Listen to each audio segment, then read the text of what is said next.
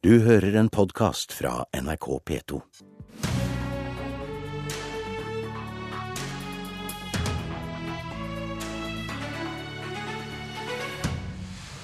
Regjeringen Solberg har manøvrert seg gjennom det første stortingsåret. I formiddag oppsummerer hun våren, men først er statsministeren gjest i Politisk kvarter.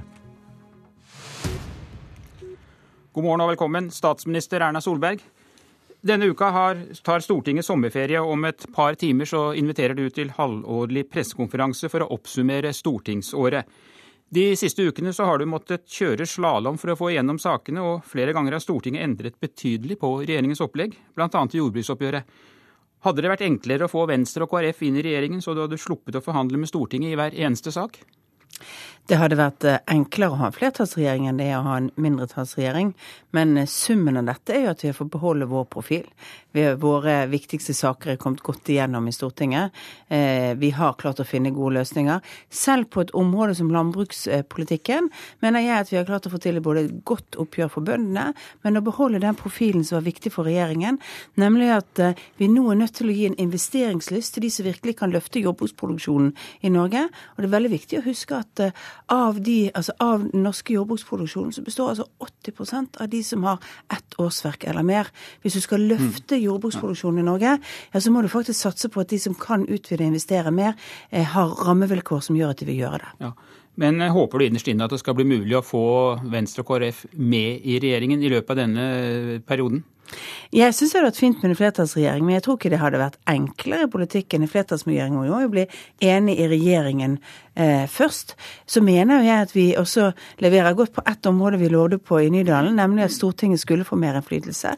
Etter åtte år hvor eh, gode ideer fremmet i Stortinget aldri ble vedtatt, fordi at de kom fra partier som ikke satt i regjering, så kan altså nå gode ideer bli vedtatt og jobbes mm. videre med. Ja.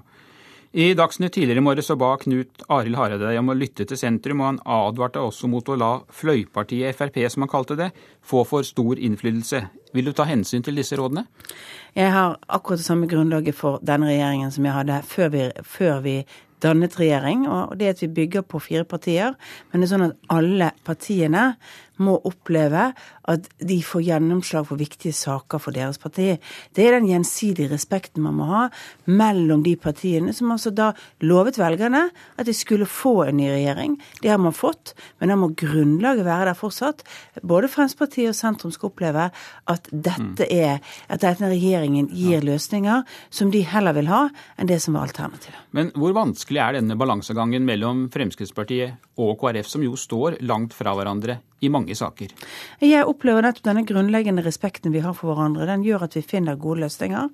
Det betyr at uh, i noen saker så må Fremskrittspartiet se et sentrum Eh, får gjennomslag for sine saker. Høyre må se et sentrum for gjennomslag for sine saker. Men i andre saker så er også vi og sentrum nødt til å respektere at Fremskrittspartiet også skal oppleve at det å sitte i regjering, det er faktisk eh, det å få gjennomslag for viktige saker som de har syntes og prioritert og gått til, til sine velgere med i valget. Og det opplever vi at vi får til. Vi får til en balanse som eh, jeg syns ut ifra meningsmålingene ser ut til at partiene våre ser at det blir gjennomslag for vår politikk. I går kveld så trakk KrF seg ut av byrådet i Bergen, din egen eh, fødeby og hjemby, og Fremskrittspartiet og Høyre skal fortsette å styre byrådet i mindretall. Hvor uheldig er det at byregjeringen i Bergen faller fra hverandre? Jeg syns det er veldig leit. Nå er det én sak som gjør det, og det er en sak hvor, eh, hvor, eh, som er vanskelig i Bergen, nemlig spørsmålet om eh, det vi kan kalle en lokalt, lokaliseringssak, nemlig hvor Bybanen skal gå, og hvilke trafikkløsninger du skal ha i, i Bergen sentrum knyttet til det. Det er en sak som som er vanskelig å på en måte Når det er store, sterke følelser, så, så kan det også gjøre at du får den typen partieffekt. Ellers opplever jeg at samarbeidet mellom Kristelig Folkeparti, Høyre Frp i byrådet i Bergen har vært utmerket på andre saker. Men dette var en sak det var nesten umulig å finne en felles løsning som gjorde at alle de tre partiene kunne gå videre sammen. Så, så beklager jeg at de har gått ut, for jeg hadde håpet at de kunne fortsette. Men øh, jeg mener at det er så mye godt grunnlag i de ja, ti, mer enn ti årene de nå har sittet sammen, eh, at eh, vi må finne frem igjen til gode løsninger mellom partiene på borgerlig side. I går ble det kjent at eh, kronprinsfamilien tar barna ut av den offentlige skolen, og i stedet lar ungene fortsette utdanning ved private skoler. Hvilke signaleffekt gir det når landets ledende familie på denne måten forlater den offentlige skolen? Ehm, jeg håper at det ikke oppfattes som en stor signaleffekt i det hele tatt. Men det samme prinsippet må gjelde for kronprinsfamilien som det gjelder for alle oss andre. Vi skal ha respekt for at foreldre gjør de valgene de syns er viktigst for sine barn. Eh, vi kan aldri gå inn i den vurderingen som foreldre har av om eh, andre skoletilbud møter deres barn for læring bedre. Så jeg syns at vi skal respektere at foreldre, uansett om de er kronprinser, om de er statsministre, eller om de er helt vanlige folk i Norge, er best på å bestemme hvilket eh, tilbud deres barn trenger for at de skal lære nok. Ja, Din regjering åpner jo for flere private skoler og benytter kronprinsfamilien seg nå bare av den valgfriheten dere egentlig vil at folk flest skal ha? Den valgfriheten vil vel forhåpentligvis alle partier på Stortinget at folk skal ha. Det, det er sånn at uh, alle partier mener at det skal være et tilbud om private skoler i Norge. Spørsmålet er bare hvilke type. Vi mener at det også må være mulighet at kreative nye pedagogiske ideer funnet opp i dag, også skal ha mulighet for å danne grunnlag for en skole, og at ikke vi alltid måtte gå tilbake til uh, førkrigspedagogiske ideer for å få lov å velge alternativer. Nå begynner de første syriske flyktningene å komme hit til landet. Hvor bekvem er du med at et av verdens rikeste land skylder på manglende kapasitet og sier at vi ikke kan ta imot flyktninger som trenger langvarig medisinsk behandling? Vi tar imot flyktninger som, som har eh, behov for langvarig medisinsk behandling. Vi tar imot like mange av de som har vært gjort tidligere. I de siste ti årene har vi alltid sagt at mellom 5 og 10% av den kvoten som vi tilbyr høykommissæren, kan være det som er personer med spesielle og sterke sterke behov. Det har vi også gjennomført nå. Det som har vært spesielt, er at man har foreslått enda flere av de. Da kommer vi i en kapasitetsbegrensning. Det er i forhold til hva slags omsorgskapasitet kommunen har, helsevesenet vårt sin kapasitet. Og så er det viktig å huske at for hver person vi henter til Norge, så kan vi altså i Jordan i flyktningleirene hjelpe 26 personer. I Libanon hjelpe 13 personer med den opplegget de har. Jeg syns det er viktig at vi hjelper mest de lokalområdene, og også på helseområdet, for det er så viktig at eh, mange får et tilbud, for det er så mange flyktninger. Men det kom jo ganske sterke reaksjoner i går eller forrige dagen da det ble kjent at dere ikke kunne ta imot så mange som hadde behov for medisinsk behandling, altså flyktninger som var skadet eller alvorlig syke. Men jeg, jeg tror kanskje at ikke mange var klar over at dette var akkurat det samme som har vært gjort hvert eneste år. Også under de rød-grønne har man hatt 5-10 av kvoten til, som, som høy, til høykommissæren. Og da har høykommissæren valgt innenfor de retningslinjene som er. Det som er spesielt, er at pga. at det har vært frivillige organisasjoner, NGO-er, som har gjort en del av uttaket i Tyrkia eller forslag av personer, så har ikke de fulgt de samme retningslinjene. Så blir det en åpen sak. Eh, men før har man jo da valgt å gi den instruksen, sånn at man ikke får presentert flere saker. Det er ingen endring av politikken på dette området. Men eh, selv om eh, du sier at eh, vi tar imot det, så hører vi jo da om de forferdelige lidelsene til flyktningene fra Syria. Og hvorfor kan ikke rike Norge ta imot mer enn 1000 kvoteflyktninger totalt når din statsminister og partikollega i Sverige åpner dørene på vidt gap? Nå åpner de for asylsøkere først og fremst som, som, kommer der. Det er jo en annen gruppe. Det er veldig få av disse medisinske tunge, de mest sårbare gruppene. Men hvis du snakker flyktninger totalt, så er det vel 1000 dere har satt som grense for kvoteflyktninger fra Syria? Ja, for vi henter det. Og I tillegg så får vi også asylsøkere til Norge. Det sitter altså omtrent 5000 mennesker på mottak og venter på å bli bosatt i norske kommuner. De venter på å begynne livet sitt i Norge. Vi har en utfordring med hvor stor stor kapasitet vi faktisk har på å bosette personer som kommer eh, til vårt land, med de kravene vi har til at de skal ha norskopplæring, de skal ha introduksjonsordning og annet. Vi må ha en form for styrt innvandring til Norge, og en styrt også bosetning av, eh, av asylsøkere. Da er det en viss kapasitetsbegrensning. Så jobber vi iherdig med å få kommunene til å ta flere. Heldigvis så er det flere som er kommet denne våren. Men det viktigste for å hjelpe folk i Syria, det er jo det som skjer lokalt i nærområdene. Og denne regjeringen har altså bevilget over, siden den startet, over 700 millioner kroner til det humanitære arbeidet i, i Jordan, Libanon, Tyrkia. De områdene som virkelig hjelper mange. Vi har bevilget mye mer enn det som har vært tidligere, og vi kommer fortsatt til å prioritere dette. For at krisen der er stor, men da må vi bruke pengene sånn at vi hjelper flest mulig. Men tror du at du hadde kommet til å tatt imot flere dersom du ikke hadde hatt Fremskrittspartiet å ta hensyn til i regjering? Jeg tror at utfordringen er kapasiteten på bosetning i kommunene. Og vi må huske at folk skal ha et hjem. De skal ha en mulighet til å begynne på en skole, de skal ha mulighet til å komme inn i det norske arbeidslivet. Og så er det for meg viktig Vi håper jo alle at Syriakrisen skal gå over, og at folk skal flytte hjem igjen. Da er det jo viktigst at vi sørger for at de barna som sitter i flyktningleirer eller er bosatt i Libanon i dag, får en skolegang. Det bidrar vår regjering til gjennom det initiativet som er tatt fra flere FN-organer, og som vi er med på å finansiere, No Lost Generation. Jeg syns det er viktig at vi bruker pengene sånn at alle de som f.eks. er i Jordan og Libanon, opplever å få skolegang, og det gjør vi. Ja.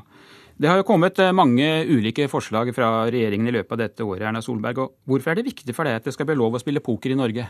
Det er ikke så veldig viktig, men jeg syns heller at av og til kan snu den biten. Hvorfor er det så viktig å forby alt dette? Altså Alle de som argumenterer for et forbud, burde jo egentlig være de som hadde bevisbyrden for at det var så viktig å forby ting. Jeg mener jo at å forby ting er mye mer drastisk enn å tillate ting. Og da er det jo sånn at hvorfor skal vi opprettholde en rekke forbud på ting som folk syns er latterlig ja, rart og smått? Mange lider av spillegalskap. Ja, men da er det gode begrensninger på hvordan dette kan være. Du kan f.eks. med en liten pott få lov å spille poker hjemme. Og vet du hva? Det skjer mye pokerspilling med små potter allerede. Kanskje vi skal rett og slett eh, legalisere den aktiviteten som mange har i sitt eget hjem som en del av familiehyggen. Takk skal du ha, statsminister Erna Solberg. Du får gå ned og forberede pressekonferansen din.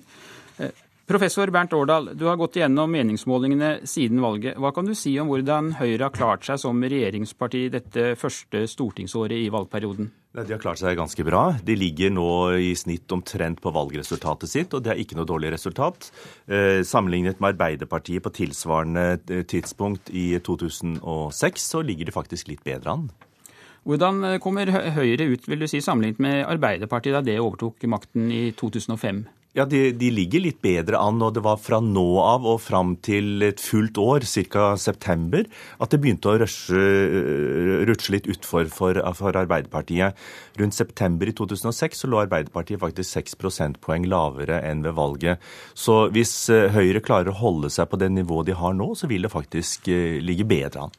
Hvis vi da ser på det andre regjeringspartiet, Fremskrittspartiet, merker man mer til regjeringsslitasjen der? Ja, det gjør man. Og Fremskrittspartiet hadde et eh, større fall relativt kort tid etter valget. Og da var det jo en del som tenkte at nå, nå går det bare nedover for partiet. Og man hadde vel også dette 11 %-nivået fra lokalvalgene i 2011 i tankene. Men så har man stabilisert uh, oppslutningen og ligger nå rundt en, en 13% 2,6% under valgresultatet ca. Så, så de har stabilisert seg, men de ligger dårligere an enn f.eks. SV gjorde på tilsvarende tidspunkt. Eh, fordi det var jo på en måte to fløypartier som for første gang kom i regjering, som han var da litt opptatt av hvordan det skulle gå. Regjeringen kom jo til makten ved hjelp av Venstre og KrF, som vi har snakket mye om nå med statsministeren. Har disse partiene i hele tatt fått betalt av velgerne fordi de bidro til et regjeringsskifte? Ikke slik det ser ut på, på meningsmålinger. De ligger veldig nært sine egne valgresultater. Går vi litt bak tallene, så ser vi at særlig for Venstre er en del varierende lojalitet blant deres velgere. Det er rett og slett litt mer ustabilt. For, for Kristelig Folkeparti så ser de ut at de kjernevelgerne de har, fikk, har hatt de siste årene, de har de beholdt i stor grad, men de har i liten grad klart å, å erobre nye, nye velgere. Men bør det nå lyse noen varsellamper for Venstre, og kanskje særlig KrF, når vi ser på bakgrunnstallene for målingene nå siste, de siste månedene? Ja, det er klart at eh, kanskje særlig for Kristelig Folkeparti så var jo valgresultatet nesten en tangering av det dårligste de noensinne hadde hatt. Så det er klart, det å være fornøyd med å, å holde seg på valgresultatet fra i fjor, det, det, er, det, er en, det, er, en, liten trøst. Så de tror nok at de, de ønsker å prøve å få mer ut av den posisjonen som de har. Eh, dels som støttepartier, men også så at de har en friere posisjon i Stortinget. Og Det har vi jo sett i løpet av denne våren, at det har jo vært eh, saker, bl.a. den reservasjonssaken, hvor Kristelig Folkeparti har mobilisert eh, en god del støtte blant sine egne, men ikke nådd utover disse rekkene. Men hvordan tror du det virker på KrFs kjernevelgere når de da er med på en, støtter en regjering som åpner for pokerspill, liberaliserer alkoholpolitikken, vil ha høyere fart osv.? Det er klart at på en del av disse sakene så, så smerter det i, i, blant kjernevelgerne til, til Kristelig Folkeparti. Men samtidig så er det også, dette må ses litt i sammenheng med deres forhold til Arbeiderpartiet, som også har provosert eh, Kristelig Folkepartis kjernevelgere og kjerneverdier på en del områder. Så det er nok litt, litt eh, hva si, et tvetydig eller tve, tvisyn på dette feltet. Takk skal du ha, professor Bernt Årdal, for at du var med oss her i Politisk kvarter. Jeg heter Per Arne Bjerke. Du har hørt en podkast fra NRK P2.